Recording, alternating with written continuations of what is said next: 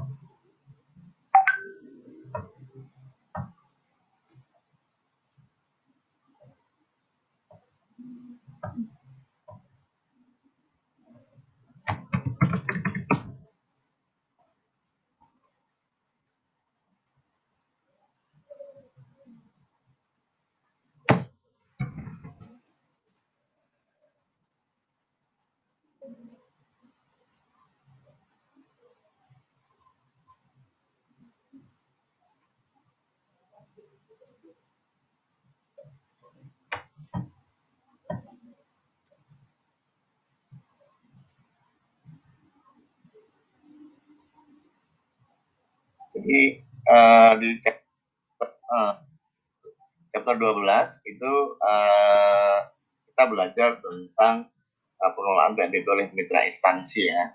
Kemarin Pak uh, Pak sudah uh, sampaikan ini masih membutuhkan uh, apa namanya membutuhkan uh, pengaturan lebih lanjut gitu ya.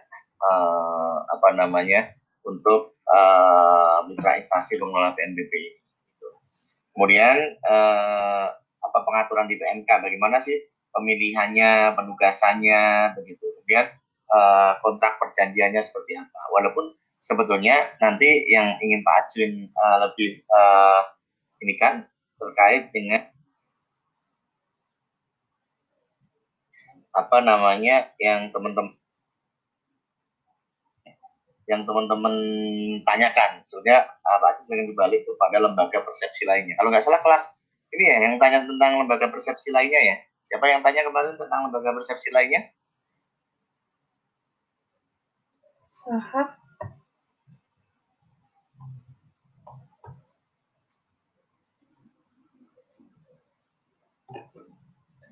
Okay.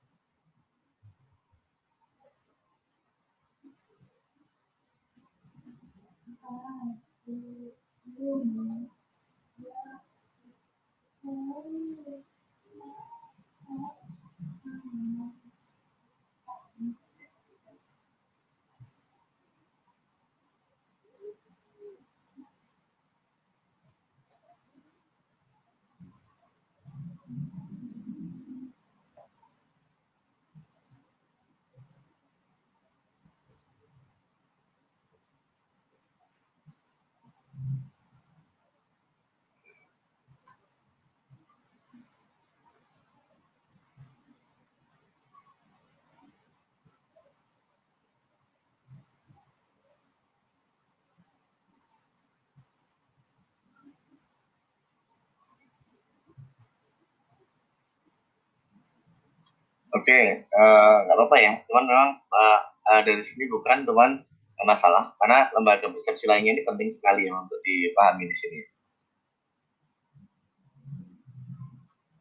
Oke, kalau terkait mitra uh, apa namanya uh, penegasannya, jadi uh, kapan mitra instansi itu dapat membantu untuk uh, pengelolaan PNBP gitu ya.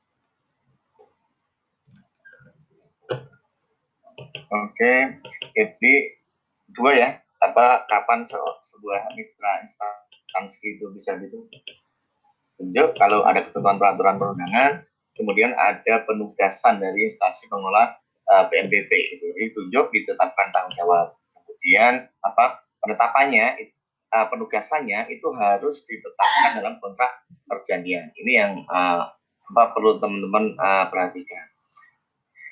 Kemudian masih di mitra instansi pengelola PNBP, Pak Asin agak cepat untuk di sini, yaitu uh, apa yang dilakukan yang dimaksud dengan membantu, yang membantu itu mulai dari memungut, menyetor, menagihkan, tapi tetap harus berdasarkan peraturan ketentuan perundangan dan harus ada yang uh, di situ apa namanya uh, harus uh, sesuai ketentuan perundangan dan sesuai apa yang ada di kontrak. Jangan sampai obsesif gitu ya.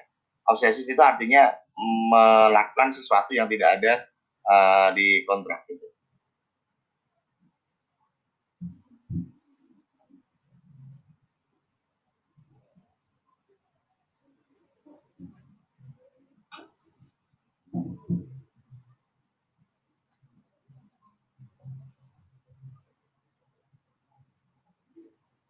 Nah, kemudian uh, proses dari pemungutan, penyetoran dan penagihan tadi mulai dari teman-teman bisa lihat di slide uh, nomor tiga ini itu mulai dari penentuan PNBP terutang, pemungutan, monitoring, penyetoran, pencatatan piutang, penagihan, pelaksanaan koreksi surat tagihan, gitu itu aja. Kemudian uh, apa yang dia lakukan meliputi dari pemungutan penyetoran penagihan tadi itu harus dilaporkan kepada instansi pengelola PNBP. Jadi dia tidak hanya uh, diem aja, itu loh yang yang juga menjadi sesuatu yang yang penting atau uh, urgent untuk di sini. Nah, kemudian uh, apa namanya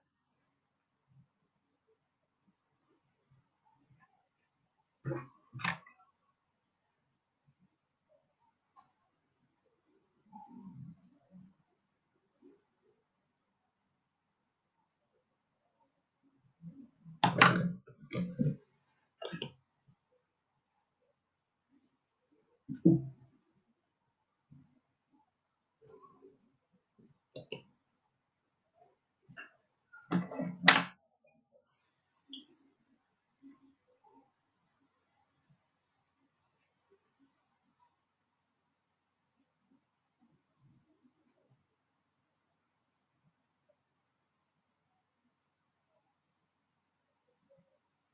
Nah, kemudian uh, masuk ke modul penerimaan negara atau MPN ya. Teman-teman sudah tahu kemarin Pak Aceh sudah jelaskan MPN ini digunakan uh, lebih kepada proses bisnis yang sudah berubah.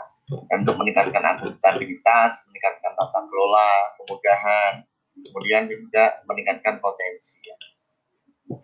Nah, kemudian kalau sejarah, teman-teman nanti bisa baca di sini. Teman-teman sudah sudah belajar juga bahwa 2007 dimulai, kemudian uh, bagian dari Eviling begitu ya. Kemudian uh, teman-teman juga kemarin Pak Ajun sudah tanya ke teman-teman apa perbedaan MPN dengan uh, Simponi gitu ya. Simponi yang ngatur PNBP, adapun MPN itu mewadahi semua, mulai dari pajak, PNBP, apa penerimaan negara lainnya itu semuanya tercatat dalam MPN sehingga penerimaan itu semuanya uh, berada dalam satu modul yang sama sehingga saat ini kalau Bu Menteri itu menginginkan stop saya ingin tahu jumlah penerimaan negara detik ini itu bisa terpapang di portal uh, MPN gitu ya dan teman-teman masih ingat kemarin berapa uh, transaksi kemarin uh, dalam satu detik Iya. Dalam satu detik bisa proses berapa transaksi? Seribu ya. Oke, jadi kalau teman-teman bayang mantan dalam beberapa detik, negara itu sebetulnya lebih produktif daripada kita. Kalau kita anggap, oh negara nggak produktif, itu negara itu produktif sekali. Dalam satu detik aja seribu uh, transaksi penerimaan negara yang dikelola, gitu kan? Wow. Nah itu waktu kita pikiran kita masih ke mana-mana itu negara itu per detiknya itu ya uh, bisa memproduksi sampai seperti itu. Kemudian berlanjut di generasi kedua, uh, merupakan pengembangan dari generasi pertama. Kalau generasi pertama itu masih menggunakan uh, banking ya, seperti itu. Kemudian juga masih banyak manualnya, gitu harus menggunakan uh, harus datang ke bank, ke teller seperti itu. Dan kemudian di generasi kedua ini apa menggunakan aplikasi uh, billing system. Uh, billing system gitu. Apa dengan udah ada portalnya disediakan secara online, kemudian paymentnya juga elektronik gitu kan ya. Tapi juga harus tetap ke ATM, debit card, e-banking dan e-banking. Nah, ini di, di ternyata ini belum udah mempermudah, tapi ini belum membuat uh, better off banget gitu ya. Apalagi karena ada perubahan yang kemarin Pak Jim sampaikan, ada perubahan proses bisnis kan di luar sana, fintech muncul, lembaga apa namanya, kalau teman-teman uh, masih ingat eh, sekarang yang lagi ini untuk teman-teman apa itu? Genius ya kalau mau transfer nggak kena apa namanya kalau mahasiswa kan meter squad ya transfer harus kena 6.500 lebih baik pakai Genius. Kemarin saya sempat nih uh, minta tolong mahasiswa untuk bikinin poster gitu ya. Saya mau transfer ke yang bersangkutan ke rekeningnya gitu. Gak mau bener, maunya lewat jenis pak supaya kalau saya transfer ke mana-mana gak kena. Saya bilang, ya lah, gitu saya juga repot ya, saya nggak punya akun uh, jenis. Gitu. Ya itulah perbedaan milenial dengan kolonial ya Pak. Itu udah uh, kolonial, sudah banyak tinggal di situ. Oke, di 2019 itu uh, apa namanya ada launching MPN generasi 3 ini ya tadi mengadopsi posisi kemajuan-kemajuan tadi mulai dari dompet elektronik, transfer bank, virtual account, kartu kredit, akhir penerimaan dan persepsi lainnya ya. Ada uh, fintech, uh, e-commerce, uh, penjamin simpanan,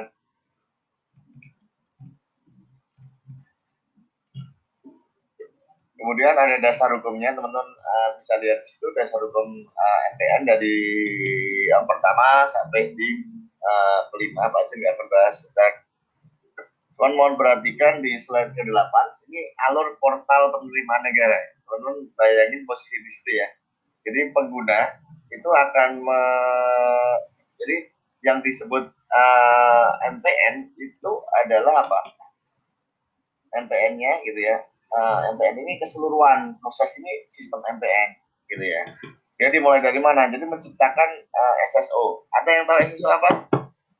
Bukan bakso ya, ya sore siang ini kita bakso ini. Eh, ini beda ini SSO sama uh, yang berbeda gitu. Apa SSO?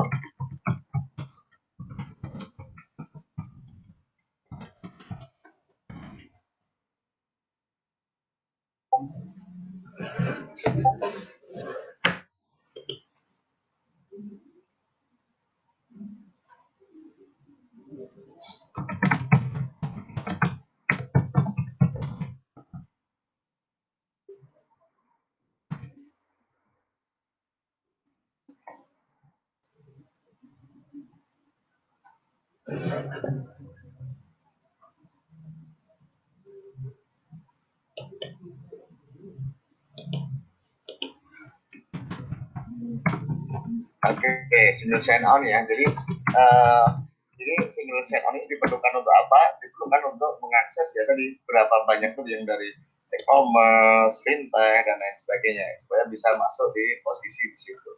Nah, dari pengguna ini akan melakukan akses melalui proses uh, biller aktivasi, grid billing, bahkan pembayaran, di SO ini data dikumpulkan, kemudian ada uh, validasi dari billernya uh, apakah Symfony, DJT, via cukai, begitu kan.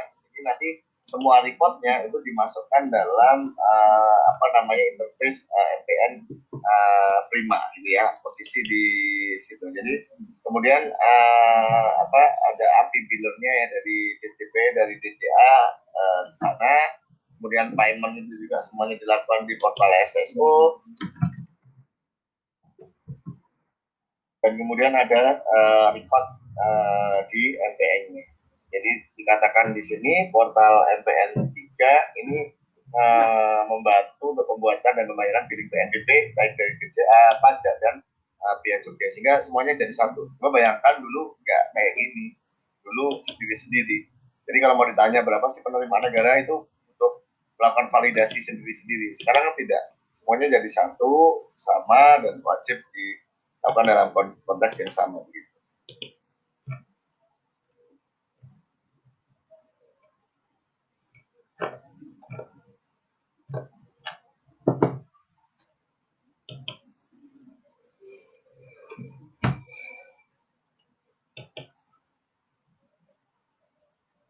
Oke, kalau ada pertanyaan sambil di ini ya.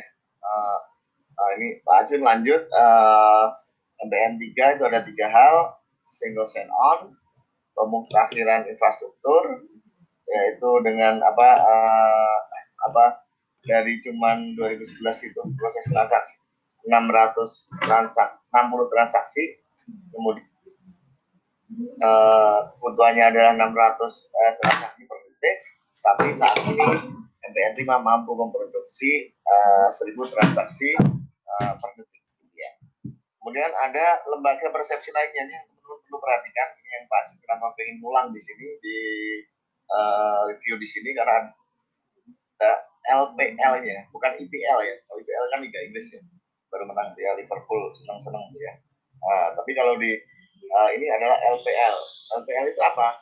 Perluasan saluran penerimaan negara dengan menambah cakupan lembaga atau mitra yang dapat melayani pembayaran penerimaan negara selain melalui bank dan pos. Kalau dulu hanya bank dan pos, saat ini sudah bisa melalui e-commerce, fintech, dan lembaga uh, sebagai lembaga persepsi lain. Jadi kalau teman-teman lihat sebentar ya, uh, cari ini.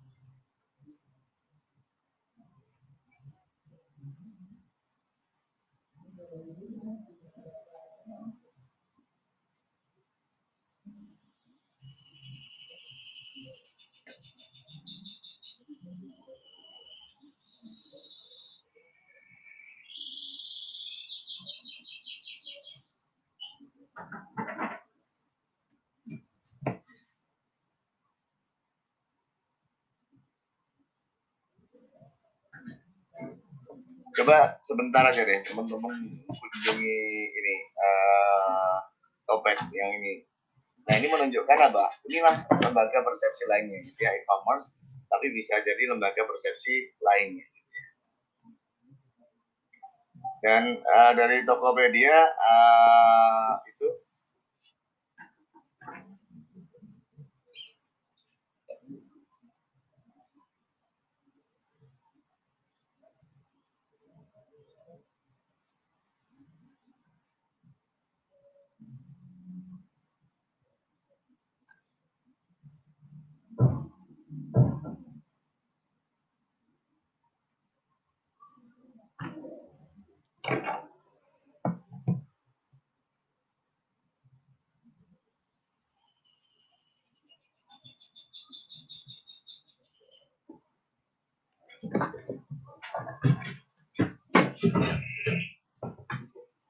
bayangin nggak dalam beberapa tahun yang lalu ada nggak pemerintah itu mau bikin kayak gini ya uh, mau bikin mau terbuka seperti ini. Sebenarnya kalau Pak Acit tanya nih, apa sih sebenarnya alasan pemerintah gitu? Kok pemerintah sekarang jadi open gitu, open minded gitu terkait uh, kondisi-kondisi kayak gini? Kira-kira apa?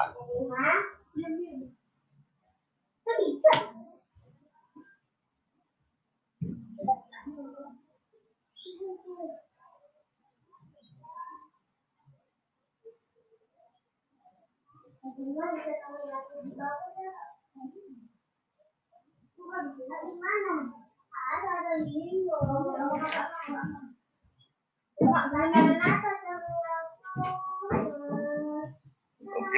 Dian, sekaligus sosialisasi. Oke, optimalisasi. Uh, nanti diingetin ya. Aku lagi kuliah uh, deh dengan apa namanya? Pak Haji ingetin nih, kalau nanti ada pertanyaan, jawabnya jangan pendek-pendek kali gitu ya. Nah, Mbak Haji iya ya.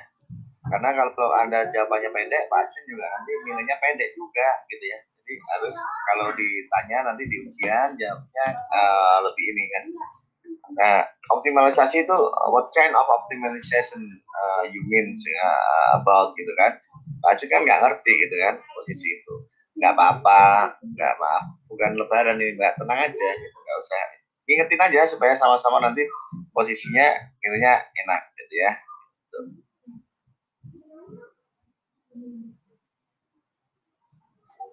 Oke, jawabannya uh, saya kira cukup ya. Uh, apa namanya mempermudah optimalisasi, kemudahan akses, peningkatan penerimaan, apa namanya teknologi gitu ya, uh, modernisasi, apa kemudahan optimalisasi, memaksimalkan atau optimalisasi. Nah itu semuanya jawabannya benar. Jadi artinya apa? Pemerintah itu harus menyesuaikan dengan proses bisnis yang ada di luar sana. Jadi kalau Anda nanti menjadi bagian dari pemerintah, kemudian Anda tidak berpikir bahwa membuat orang misalnya begini, Anda hanya tahunya teknologi A, di luar udah teknologinya B. Kemudian Anda harus melakukan pelayanan kepada uh, masyarakat yang sudah pakai teknologi B, dipaksa untuk pakai teknologi A. Bagaimana yang terjadi seperti itu? Negara tidak akan kompetitif. Tapi kalau dengan seperti ini, maka semua kemudahan yang teman-teman sebutkan tadi bisa ter dilakukan. Orang bayar PNBP bisa dari rumah, orang urus PNBP bisa dari rumah, bayar pajak bisa sambil tiduran, bahkan ya kan sambil rebahan berkontribusi kepada negara bisa nggak? Bisa. Kalau apa? Selain belajar, ya bayar pajak sambil rebahan gitu ya. Itu dulu suatu hal yang nggak bisa di nggak nggak ada loh, ya. Tapi saat ini kan itu dimungkinkan ya dengan adopsi teknologi.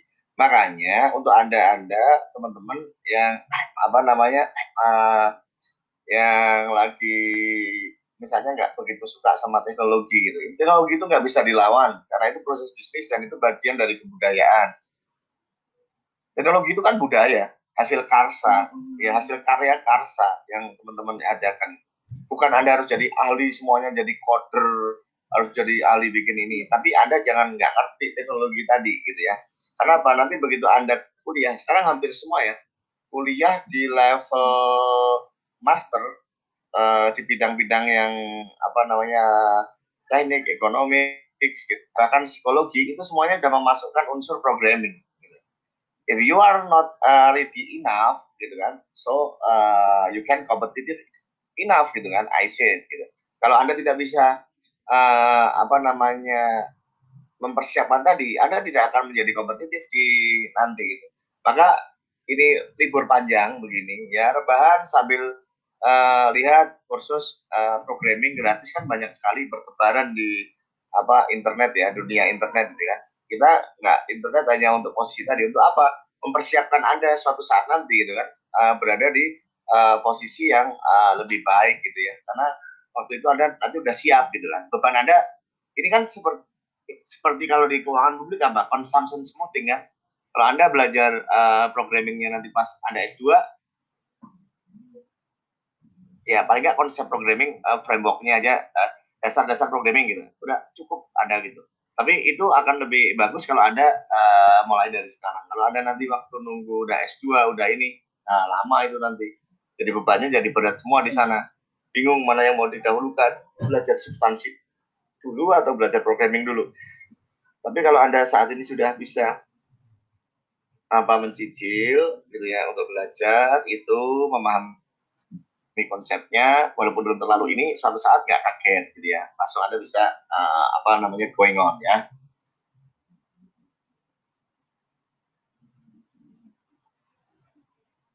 Kemudian uh, manfaat ada per, uh, lembaga persepsi lainnya kan ada di sini ya. Menambah agen benar penerimaan artinya apa? Tadi optimalisasi memaksimalkan perluasan akses terhadap penerimaan negara. Akses layanannya 24 uh, jam per minggu, gitu, uh, hari seminggu. Jadi saat anda tidur, saat anda apa namanya uh, main PS, apa apa anda itu layanan itu ada juga. Nah ini posisi. Kemudian mendorong cashless payment. Ya, cashless payment itu sebetulnya kalau konsep uh, di di kapital itu kan semua uang akan lebih bagus adanya di bank gitu. Ya. Itu konsep kapital. Uh, posisi di bank non tunai bank bisa bergerak bisa melakukan multiplier uh, apa di nilai uangnya dan lain sebagainya. Kemudian ada tarif imbalan jasa lebih murah gitu. Jasa pelayanan itu 2000 lebih murah dibanding jasa pelayanan yang dibayarkan bank pos persepsi gitu ya. Kalau di sana kena 5000 di situ kena 2000 atau kena 1500 jadi teman-teman bisa melihat begitu ini luar biasa manfaatnya. Dan bukan bukan berhenti di sini enggak. Pemerintah masih terus menetapkan ini menjadi sebuah layanan yang nanti ke depan menjadi sesuatu yang sangat yang apa lebih sempurna jadi kalau orang lagi tergila-gila ke apa namanya itu ke apa online pemerintah pun juga tergila-gila cuman terus pemerintah tergila-gilanya itu terukur gitu ya tertarget gitu tergila-gila dalam meningkatkan uh, proses bisnis perbaikan proses bisnis untuk penerimaan negara. Jadi bukan gila yang tidak beralasan. Kadang-kadang kan kita gila nggak beralasan gitu ya. Kita panik nggak beralasan, kita ini nggak beralasan. Panik boleh, tapi paniklah yang beralasan. Anda terdorong pengen melakukan suatu better off, boleh. Tapi yang beralasan dan terukur gitu. Kalau nggak terukur ngapain Anda pikirin sampai uh, frustasi gitu ya. Jadi kalau Anda misalnya udah jelas apa namanya sesuatu itu nggak bisa Anda reach, ngapain? Gitu. Selalu ingat kata-kata Pak Acin, bahwa konsep di ekonomi yang selalu Pak Ajun Pak sampai sekarang itu salah satunya sang kos gitu ya. Kalau yang teman-teman pernah jadi satu sama saya di mata, saya ngajar nggak sih ya? Uh, eh nggak dapat ya mikro nggak dapat ya, saya hanya ngajar pajak ya. Saya selalu ngomong bahwa sang kos itu something uh, that have been uh, apa namanya uh, paid gitu ya atau udah dilakukan pembayaran udah kita keluarkan dan tidak bisa kita dapat lagi. Contoh, Anda uh, sekarang Pak Jun tanya nih ke teman-teman, Anda masuk ke kata didengar ini dapat uh, ini dapat spoiler nih, wah film ini bagus gitu. Uh, kemudian Anda masuk ke apa namanya ke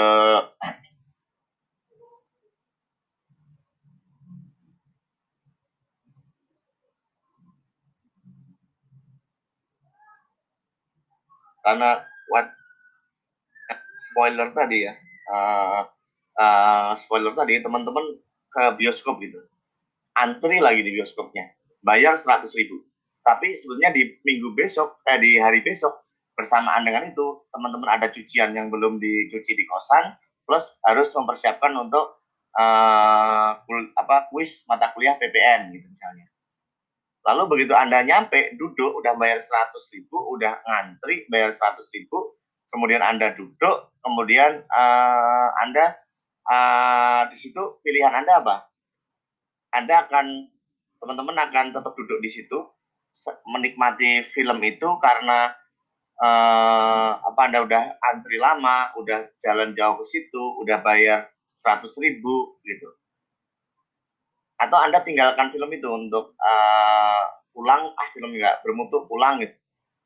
Ya. Kemudian anda bisa uh, ini bisa apa namanya nyuci baju jemur dan lanjut belajar tentang apa namanya uh, ini kuis untuk PPN kira-kira teman-teman mau ambil yang mana nih?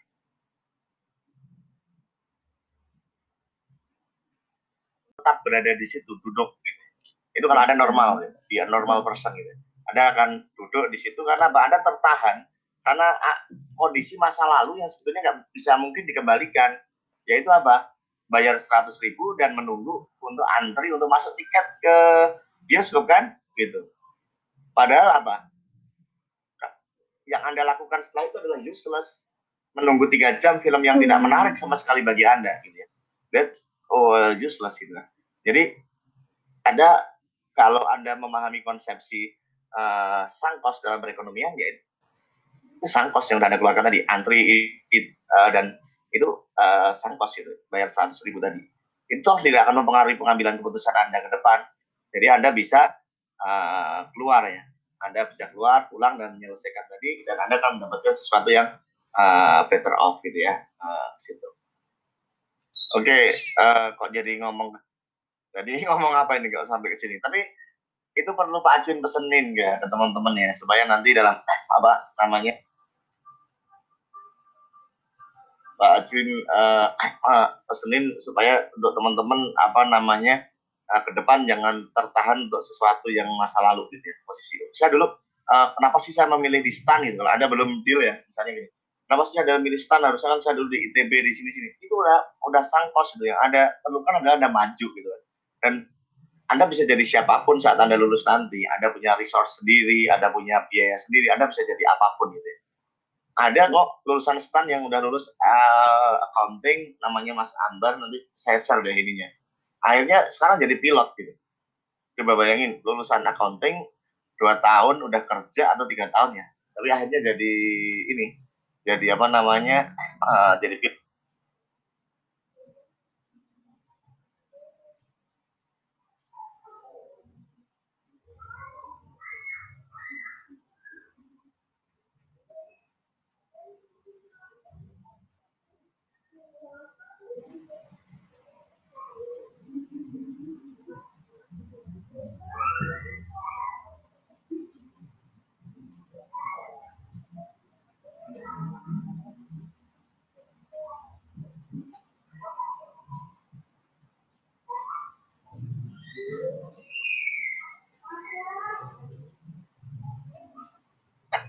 ini loh pertama Pak Acun nge-share di sini. Jadi kalau Anda terlalu awal bersedih, terlalu awal itu menjudge bahwa Tuhan nggak adil ke Anda, itu salah.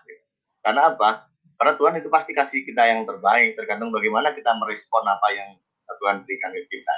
Jadi ini kan ya kayak gini nih, sama-sama nih PBJ gitu. Nah, kita ngerasa, aduh emang enak nih PBJ jauh kayak gini, belajarnya nggak ini seperti apa. Anda pun kalau ke kampus juga akan mengeluh ini kok kampus nggak libur-libur, saya udah kangen nih sama orang tua saya nggak bisa pulang-pulang.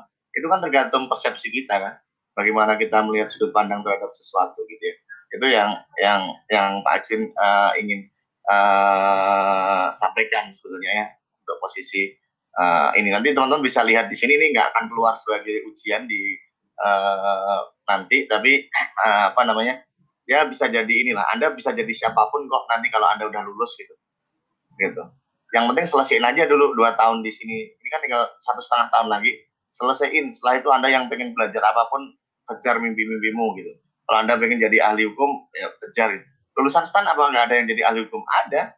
Jurang Mangu uh, Lohos itu isinya apa lulusan-lulusan stan semua. Dulu beberapa lulusan KBN juga. Yang kuliah lah balik lagi kuliah lagi S1 kuliah lagi S2 dan sekarang mereka resign dan jadi lawyer Coba bayangin, kampus ini juga menghasilkan lawyer. Jadi kalau Anda bilang kampus ini harus di Kemenq dan jadi ini semua ya nggak nggak pas juga. Justru ini penting bagi untuk teman-teman ya.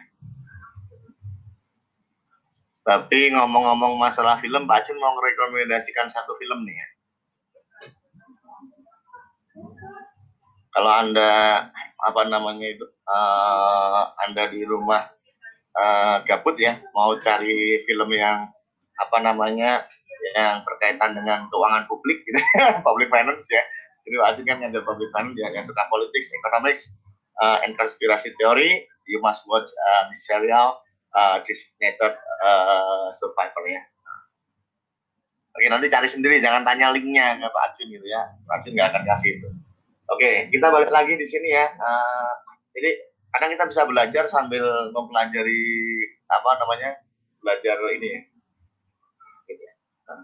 Oke, kemudian alur penerimaan ini yang uh, terkait MPN gitu ya, uh, interkoneksinya. Jadi uh, uh, dulu terpisah ya DJP, DPC, DJA, tapi sekarang alur transaksinya itu uh, menjadi satu dan bisa menjadi luas skala, luas sekali. Datanya juga bagaimana dia uh, me, uh, apa namanya di terintegrasi dengan SPAN dan sekarang penata usahanya mulai MPN generasi 3 ini menggunakan apa namanya eh, KPPN khusus penerimaan gitu ya. Nah, KPPN uh, khusus penerimaan dan menggunakan uh, rekening kas umum negara khusus untuk lembaga persepsi lainnya. Jadi udah luar biasa ya. Jadi kita nggak akan belajar lebih detail terkait ini, teman-teman cukup ketahui saja. Pak tidak akan demand terlalu itu. Kemudian karena apa nanti Eh, teman-teman akan belajar kalau teman-teman nangani akan belajar lebih lanjut.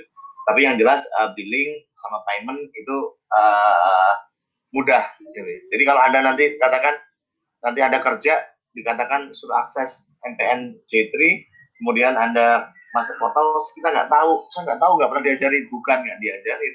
Tapi konsepnya yang dikasih adalah konsep generalnya gitu kan. Jadi anda harus mengembangkan konsep itu ke sesuatu yang uh, to be more technical things gitu. Ya, kalau semester ini karena kita cuma dua SKS, kemudian uh, praktikumnya juga malah ke mana tahu, jadi saya nggak ini gitu, nggak apa namanya, nggak uh, nggak nggak bisa harusnya di sini yang praktikum uh, di sana itu nanti uh, akan uh, lebih uh, bagus gitu ya posisinya. Oke, kemudian alur pelimpahan pelaporan ini uh, melalui RTGS di BI ini ini alur untuk apa reportnya ya? Cepat sekali gitu ya. Apa namanya pelimpahan itu uh, cepat sekali untuk transaksi.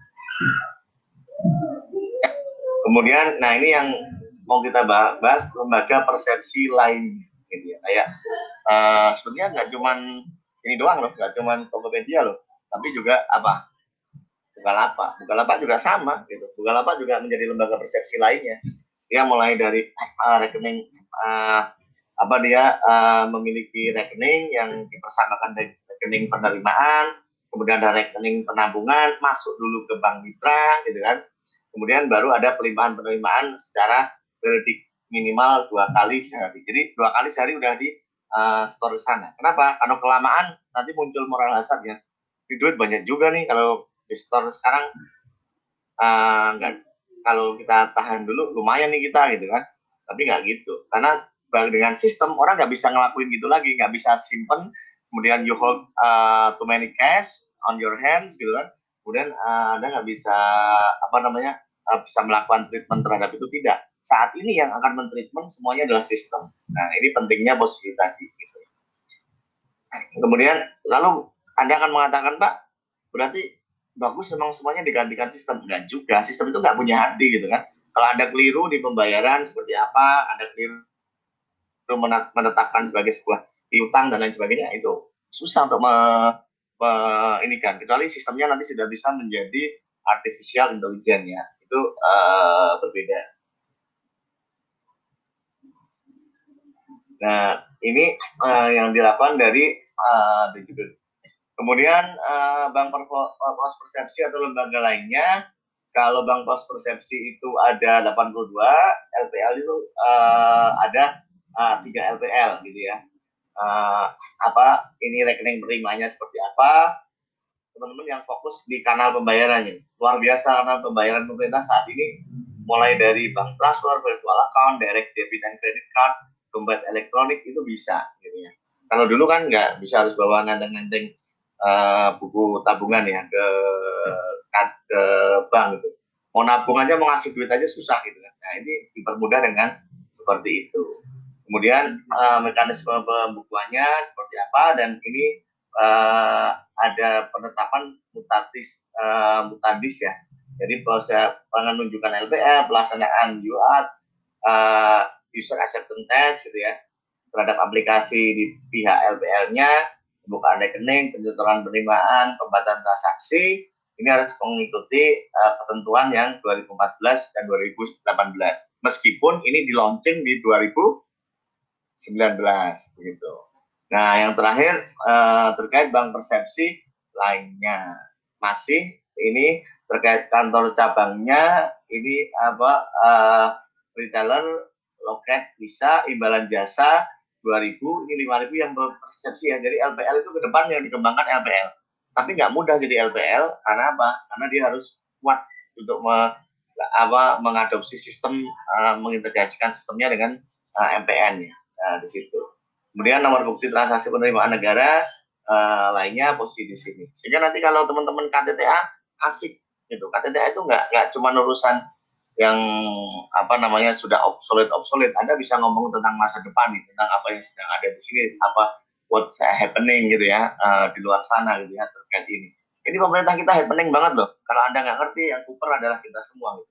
kalau ditanya pemerintah nggak ngapa-ngapain aja saya kadang bukan ya mungkin karena saya PNS sih gitu ya. Saya ASN kalau dibilang pemerintah nggak ngapa-ngapain aja pengennya ngasih ini gitu. Kalau enggak, dia udah baca nota keuangan belum? Kalau udah baca nota keuangan 400 halaman lebih itu, baru boleh Anda bilang pemerintah nggak ngapa-ngapain kan gitu. Walaupun orang ada yang bilang itu normatif dan lain sebagainya. That's another matters ya. Oke, itu ada pertanyaan kali ini sebelum Pak Acin pindah ke pertemuan 14. Jangan minta spoiler tentang desain survivor ya. Yang tentang materi Ya, ya, ada pertanyaan? Kalau tidak, kita akan geser ke PPT 14 uh, terkait pengajuan keberatan dan ini PPT-nya dikit, ya, yang 14 saja. Sambil saya nunggu kalau ada pertanyaan, Pak Acin mau ngisi portal dulu ya. Yang kemarin lupa kan, saya ngisi portal.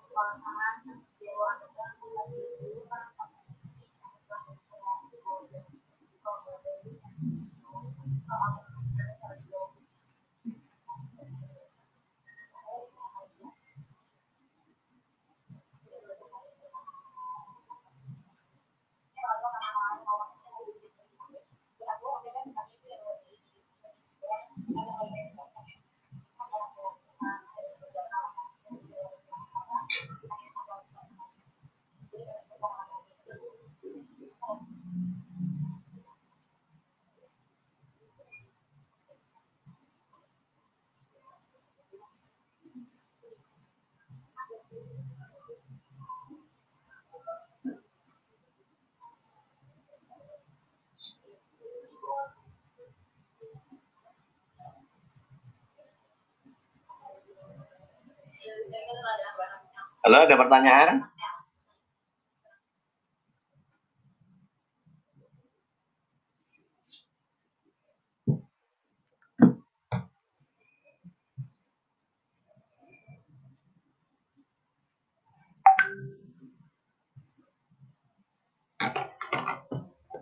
Oke ya, saya sambil lanjut ya. Pokoknya kalau film cepat eh, responnya nih. Kalau kayak gini kan ini atau kalau perlu PNBP difilmkan ya. PNBP the movie gitu ya. Nah, bisa kawan-kawan teman-teman bikin. Nah, itu ya. Jadi anak KBN, Art FM itu bikinnya gitu. Masa bikinnya yang kemarin apa kayak apa namanya? Saya nggak tahu ya di Sinatra atau saya yang terlalu kolonial atau saya ini saya nggak paham tuh konsepnya. Ngapain gitu kayak gitu juga joget yang pakai daster di pinggir apa namanya itu pinggir pantai itu I think uh, that's uh, absurd ya absurd. Uh, atau saya nggak paham gitu. Ini jangan diinikan ya saya bukan nggak suka itu kreativitas itu. Tapi kalau anda bisa bikin PNBP in the movie gitu walaupun tidak teknis itu tapi sesuatu yang ini kan keren banget. Orang jadi pengen ngerti kan ngapain lu bikin film tentang PNBP apa yang bisa dibikin? Nah justru itu tantangannya kan di situ gitu. Kalau anda belum bisa begitu kan masih susah. Kalau ngikutin apa uh, ini sendiri kan lebih mudah kan. Uh, imaji sendiri lebih mudah. Oke, kita masuk di uh, chapter 14, sudah isi absen, tenang saja. Jadi sekarang tentang latar belakang, dasar hukum, nanti tahapan pemrosesan yang kita akan pelajari, pokok-pokok pengaturan keberatannya di mana, pokok-pokok pengaturan keringanan. Keringanan ini masuk kemarin ya, teman-teman di mana yang di materinya Pak Wawan Sutarjo di relaksasi PNBP. Jadi bagaimana sih dapat relaksasi? Nah ini nanti kita akan lihat posisi di sini. Kemudian pokok-pokok pengaturan pengembalian PNBP. Hanya sadly if you uh, already read uh, the draft PNBP about keringanan dan keberatan ini, uh, banyak pasal itu mengatakan apa menunggu peraturan menteri gitu kan. Jadi ini menjadi masih menjadi PR gitu bagi uh, teman-teman uh, semua ya. Ini udah buka slide-nya ya. Uh, latar belakang saya kira sama uh, di sini, tetapi ada pasal-pasal yang berkaitan yang membuat kenapa harus ada uh, draftnya ini. Ada draft RPP tentang keberatan uh, dan keringanan. Kenapa itu muncul sendiri? Karena pasal 61, pasal 62, pasal 65 Undang-Undang 9 2018 tentang PNBP itu mengatakan uh, harus atau perlu ditetapkan PP tentang tata peraturan pemerintah tentang tata cara pengajuan dan penyelesaian kegiatan keringanan dan pengembalian negara bukan pajak. Jadi dasar hukumnya ya ini pertama pasal 5 ayat 2 Undang-Undang Dasar Negara 1945 apa? Pasal 5 uh, eh, ayat 2 Undang-Undang Dasar Negara Republik Indonesia. Presiden kalau ada ditanya Indonesia, Indonesia, coba sebutkan pasal lima Undang-Undang Dasar Negara Republik Indonesia. Nggak tahu, Pak. salah. Coba ini mengecek nih, mengecek uh, ini udah Agustus kan, Anda punya daya juang nggak gitu ya? Seperti uh, apa pada ini. Ini agak lama karena pasti googling nih. Nah, nah Presiden melakukan peralatan pemerintah, uh, oke, oke, cukup, cukup. Nah, pintar ini saya nggak tahu ngerti atau paling cepat googling ya nggak apa-apa sih nggak masalah kan nggak semuanya harus dihafal tapi anda paham ya it's okay nah kemudian uh, undang-undang nomor 9 ya uh, ada di pasal 61 62 dan pasal 6 jadi jangan tertukar-tukar nanti pasalnya. Kemudian tahap pemrosesan teman-teman lihat ini uh, seperti kemarin di tentang kita bicara pemeriksaan. Ini ada ketentuan uh, umum keberatan keringanan pengembaliannya dan kemudian ketentuan peralihannya. Kita akan lihat uh, seperti apa perbabnya masuk di pokok-pokok pengaturan keberatan. Jadi apa sih yang uh, diatur tentang uh, keberatan uh, di sini? Jadi uh, pengajuan keberatan, keringanan dan pengembalian merupakan hak wajib bayar. Artinya apa? Negara melindungi hak setiap orang yang sudah melakukan pembayaran PNBP. Kalau terjadi perselisihan, kalau terjadi perbedaan pendapat terkait nominal yang harus dibayarkan atau sudah dibayarkan tapi ternyata ditemukan bukti baru atau ada regulasi baru yang menyatakan bahwa itu bisa merupakan uh, kelebihan atau kekurangan, maka boleh diajukan proses keberatan, keringanan, dan pengembalian.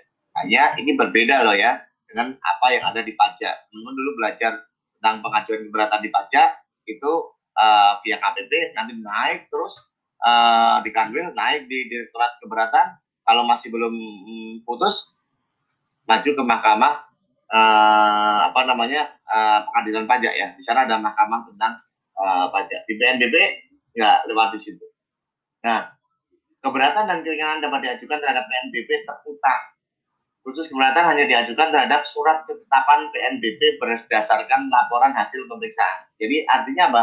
Kalau laporan hasil pemeriksaan itu dilakukan pemeriksaan dan ternyata terbukti bahwa dia melakukan lebih bayar, maka eh, keberatan boleh diajukan. Jadi ya, ini menjadi kunci. Gitu ya. Jadi kalau mengikut kata-kata sekarang LHP surat ketetapan PNBP berdasarkan LHP adalah kunci gitu ya, bagi pokok-pokok pengaturan keberatan PNBP gitu ya. Kemudian pengembalian dilakukan karena adanya kesalahan pembayaran PNBP. Manusia ini mau mencet 20 ribu jadi 2 juta atau 200 ribu gitu kan. Pernah seperti itu. Saya pernah dulu, dulu bayar internet harusnya cuma 40 saya uh, harusnya cuma tiga ratus ribu jadi tiga juta gitu kan. Habis itu pening sendiri gitu kan. Kontak sana kontak sini untuk apa namanya uh, apa pengembalian tadi. Nah pemerintah memahami nih manusia itu adalah uh, orang yang pasti melakukan kesalahan. Siapa sih yang nggak pernah salah kecuali nabi-nabi gitu ya. Uh, posisi di situ nah itu pun karena dibimbing Tuhan ya nabi-nabi gitu kemudian uh, adanya kesalahan pembayaran kesalahan pemungutan kesalahan penetapan jadi setiap ada kesalahan maupun itu kesalahan pemungutan penetapan itu bukan berarti setiap saat kita bisa mensangkakan bahwa orang itu berbuat buruk. Tapi kalau kita mengatakan dia tidak profesional, tidak hati-hati, careless, ya apa boleh. Tapi kalau kita mengatakan wah dia ada ini, nah itu yang nggak boleh yang posisi seperti itu. Nah kemudian ada putusan pengadilan yang telah ingkrah, hasil pemeriksaan BNPB atau ketentuan peraturan perundang-undangan. Seperti kemarin Mbak ya, teman-teman udah ngubek-ngubek ya uh, apa namanya udah membaca banyak tentang uh, LHP kemarin di situ. Kemudian permohonan keberatan, keringanan dan pengembalian tidak dapat diajukan secara bersamaan atas substansi yang sama. Jadi nggak mungkin anda mengajukan keberatan sekaligus keringanan dalam waktu yang bersamaan. Itu nggak nggak nggak bisa. Harus pilih salah satu. Saya melalui mekanisme keberatan, keringanan dan uh, keberatan wajib bayar yang tidak setuju dengan penetapan besaran PNBP terutang dapat menempuh mekanisme lain, yaitu permohonan koreksi atau gugatan ke pengadilan. Nah, nanti kalau tip caranya gimana Pak gugat ke pengadilan? Tanya ke dosen pengantar ilmu hukum, ya, jangan ke pengantar ilmu humor, ya, ke pengantar ilmu hukum. Cari dosen yang hukum yang pernah melakukan gugatan, jadi bukan uh, yang uh, berandai-andai pernah melakukan gugatan. Jadi ditanya, pernah nggak menggunakan gugatan Pak? Uh, bisa sharing knowledge-nya di sini. Pak Edwin belum pernah gitu. Uh, uh, nanti dosen itu perdata pidana itu ditanyain ya cara menggugat ke pengadilan bagaimana posisi seperti ini. Karena itu sesuatu yang aspek yang perlu dipelajari gitu. Jadi Nah, di koreksi pidana nggak ada gugatan ya, perdata ada uh, itu. Jadi nanti tanya ke dosennya di hukum gitu. Kenapa di keuangan negara ini nggak ada nggak bisa terlepas dari aspek hukum gitu ya. Jadi Anda jago pun ngitung gitu ya. Kayak apa di ekonomi gitu. Begitu Anda nggak melihat aspek hukum ya Anda nggak harus jadi ahli hukum banyak. Paling nggak minimal punya teman hukum lah. Bisa dicurhatin ditanyain ya.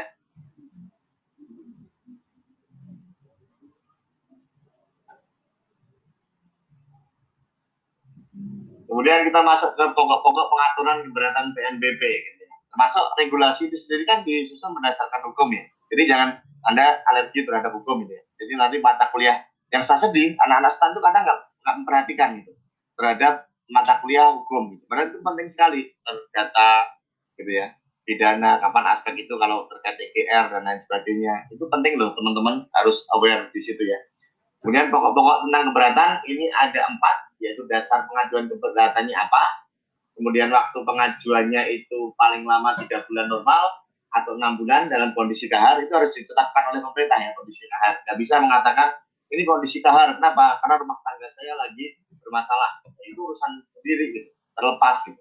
Tapi kalau kondisi uh, di situ ditetapkan ada bencana baik alam ataupun non alam seperti sekarang mungkin bisa uh, ditetapkan sebagai kondisi kahar. Kemudian itu kapan dilakukan sejak surat ketetapan PNBP diterbitkan. Kalau untuk surat ketetapan keberatan itu paling lama enam bulan sejak pengajuan keberatan.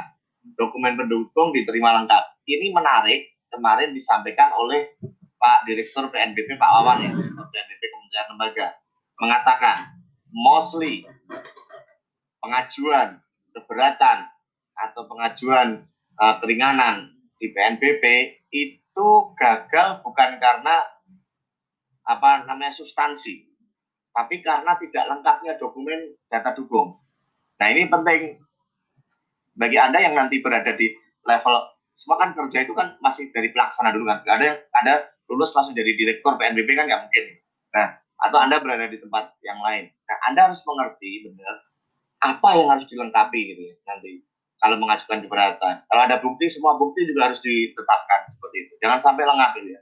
Jangan sampai cari celah gitu orang posisi itu. Nah itu kalau uh, teman-teman bisa lengkap seperti apa untuk melakukan tadi, nah proses itu bisa berjalan gitu ya. Nah kadang dan sebagian besar mostly kasus di BNPB itu uh, batal sebelum melakukan uh, pergerakan gitu ya, sebelum di, diproses gitu ya. Kemudian pengajuan gugatan kalau hal wajib bayar tidak setuju dengan surat ketetapan keberatan, wajib bayar dapat mengajukan gugatan ke PT Tata Usaha Negara. Gitu ya.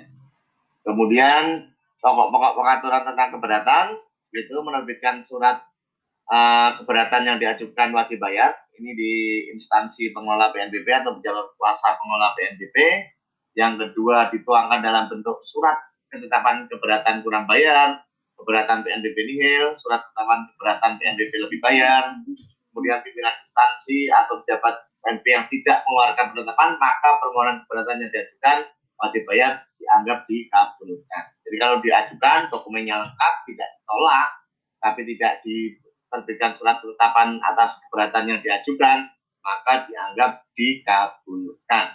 Jadi ini unsur supaya apa? Dari sisi pemerintah, pengelola PNBP nggak bisa sewenang-wenang, nggak bisa sesuka hatinya, dan harus uh, taat pada asas memproses sesuai dengan hak uh, warga negara dalam hal ini tadi si wajib bayar, gitu ya. Kemudian uh, pokok-pokok pengaturan keringanan ini kan sudah beberapa kita uh, bahas ya. Uh, contoh ini juga muncul di soal UTS ya. Apa keadaan di luar kemampuan, kemampuan wajib bayar, kondisi kahar, likuiditas, pemerintahan. Sekarang Pak Jun tanya dulu, bedanya di pengeberatan sama keringanan sama-sama menurunkan nilai PNBP apa bedanya antara uh, keberatan dan keringanan?